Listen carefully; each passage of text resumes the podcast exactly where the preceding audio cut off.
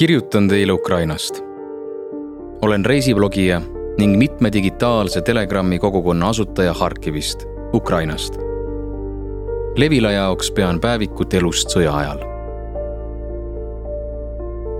imelik on tõdeda, et sõda on kestnud juba üle poole aasta. jutuajamistes harkivlastega võib sageli kuulda, üldiselt on mul kõik hästi, kuid kumulatiivne efekt on väga tugev seda ei saa mitte tajuda. algul pole sul vigagi. sa harjud ümberringi valitseva olukorraga, lepid uue reaalsusega. kuid mida kauem sa kontekstis viibid, seda rohkem kõike sinusse koondub. kõik need plahvatused ja raketid, suurtükirünnakud, omaste ja lähedaste pärast muretsemised muudkui kuhjuvad ning mingil hetkel toimub see, mida nimetatakse vaimseks murdumiseks see efekt ei avaldu mitte ainult neis, kes jäid Harkivisse, vaid ka neis, kes lahkusid. pidevad uudised tulerünnakutest ja lakkamatud telefonikõned neile, kes jäid linna, ei möödu jälgi jätmata. oma rolli mängib ka see, et harkivlased armastavad oma linna eriliselt. hoiavad oma linna väga ja enne sõda ei tahtnud sealt kuhugi kolida, sest harkivlaste meelest on nende linn elamiseks parim ilmekas näide oleks siinkohal linnapäev. tavaliselt tulevad sel päeval kümned tuhanded inimesed tänavatele, et linna tema päeval õnnitleda. linnapäev on Harkivis kahekümne kolmandal augustil, päev enne Ukraina iseseisvuspäeva. minu jaoks oli oluline veeta see päev oma kodulinnas, olgugi seal pealegi ohtlik. mul on kombeks veeta linnapäev alati Harkivis ja oma sünnipäeval lähen kindlasti reisile otsustasin, et ei hakka hoolimata sõjast ja lakkamatutest rünnakutest seda traditsiooni murdma. minu jaoks on tähtis olla sel päeval linnas. tundsin selleks sisemist moraalset sundi. ma otsekui vajasin kinnitust, et ma ei ole oma linna hüljanud ja olen ka raskel hetkel temaga. seekordne linnapäev ei olnud ühegi varasema sarnane täiesti inimtühjas linnas oli tunda äärmist pinevust. Need vähesed inimesed, keda võis tänaval kohata, kõndisid otse kui nõeltel. kõik ootasid midagi halba. linna peatänav Sumskaja, mis on kahekümne kolmandal augustil alati rahvarohke ja lärmakas, oli kurdistavalt vaikne.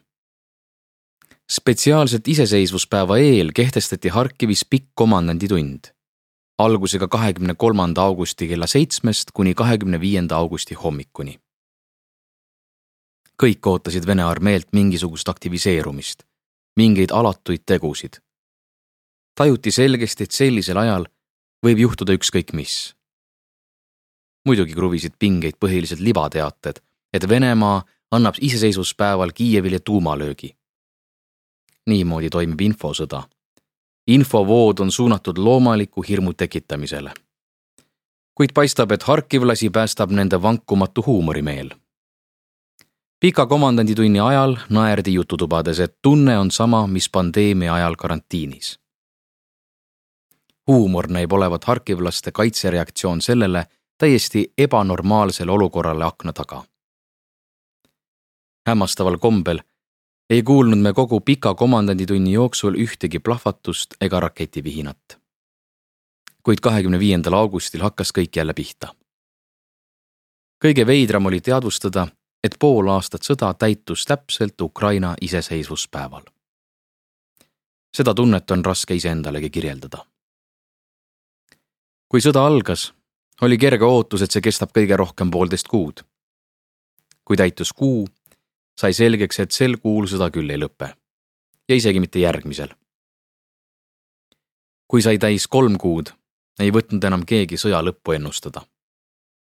ja kui algul ei teadnud me nädalapäevadest midagi, poleks osanud nimetada kuud ega aastatki, ütlesime lihtsalt, et täna on sõja viiekümnes päev. siis sajandale päevale lähenedes hakkas see vähehaaval taanduma. meile tulid kuupäevad jälle meelde ning meie kõnepruuki tulid tagasi umbes sellised vormelid nagu teeme järgmise nädala algul. me saime tagasi mingisuguse osa normaalsusest. hakkasime tajuma aega mitte sõjapäevadena, vaid nagu varemalt, päevade ja nädalatena. võib-olla sellepärast jäigi meil teadvustamata, et sõda on kestnud juba pool aastat. ja see pool aasta langeb Ukraina iseseisvuspäevale. Oleme ajuti püüdnud leida rünnakutes mingit loogikat, mõista, miks üks või teine rakett tabas seda, mida ta tabas. kuid pärast kahekümne neljandat augustit seisneb peamine muutus selles, et Vene sõdurid tulistavad neid samu positsioone ja kohti, mida nad tulistasid juba sõja alguspäevil. jah, säärane teguviis on käsitamatu. kuid täpselt see on viimased kuu aega toimunud. pea kõik raketilöögid tabavad samu kohti, mida tulistati juba veebruari lõpus ja märtsi algul. mulle tundus, et seda, mis ma elasin üle märtsi algul, neid tundeid ja emotsioone, kui rakett purustas mu korteri, ei pea ma enam kunagi uuesti kogema. lootsin seda. kuid kahekümne kaheksandal augustil pidin minevikupilti uuesti läbi elama. uskumatu küll, kuid ka teise raketilöögi ajal ei juhtunud ma kodus viibima. Rakett tabas sentimeetri pealt sama kohta, mis märtsiski. selles polnud kübetki ratsionaalsust. hirmus mõeldagi, mis oleks juhtunud kui ma poleks tund enne raketitabamust läinud sõbraga õhtust sööma. me kuulsime valju plahvatust Harkivi kesklinnas ja ehkki asusime kohast, kus rakett kukkus kaks ja pool kilomeetrit eemal, oli tunne, et see on vaid paarisaja meetri kaugusel. ma ei unusta seda heli iial. ja ma ei unusta, kuidas me jooksime sõbraga paduvihmas läbi pargi.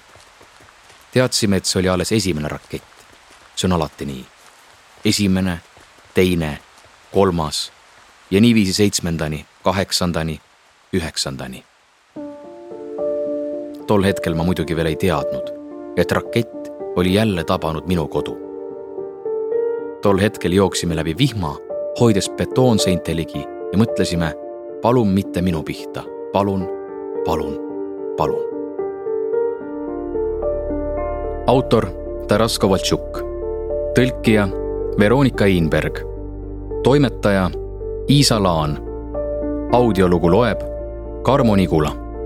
salvestus, helikujundus Janek Murd. originaalmuusika Konstantin Tsõbulevski. Levila kaks tuhat kakskümmend kaks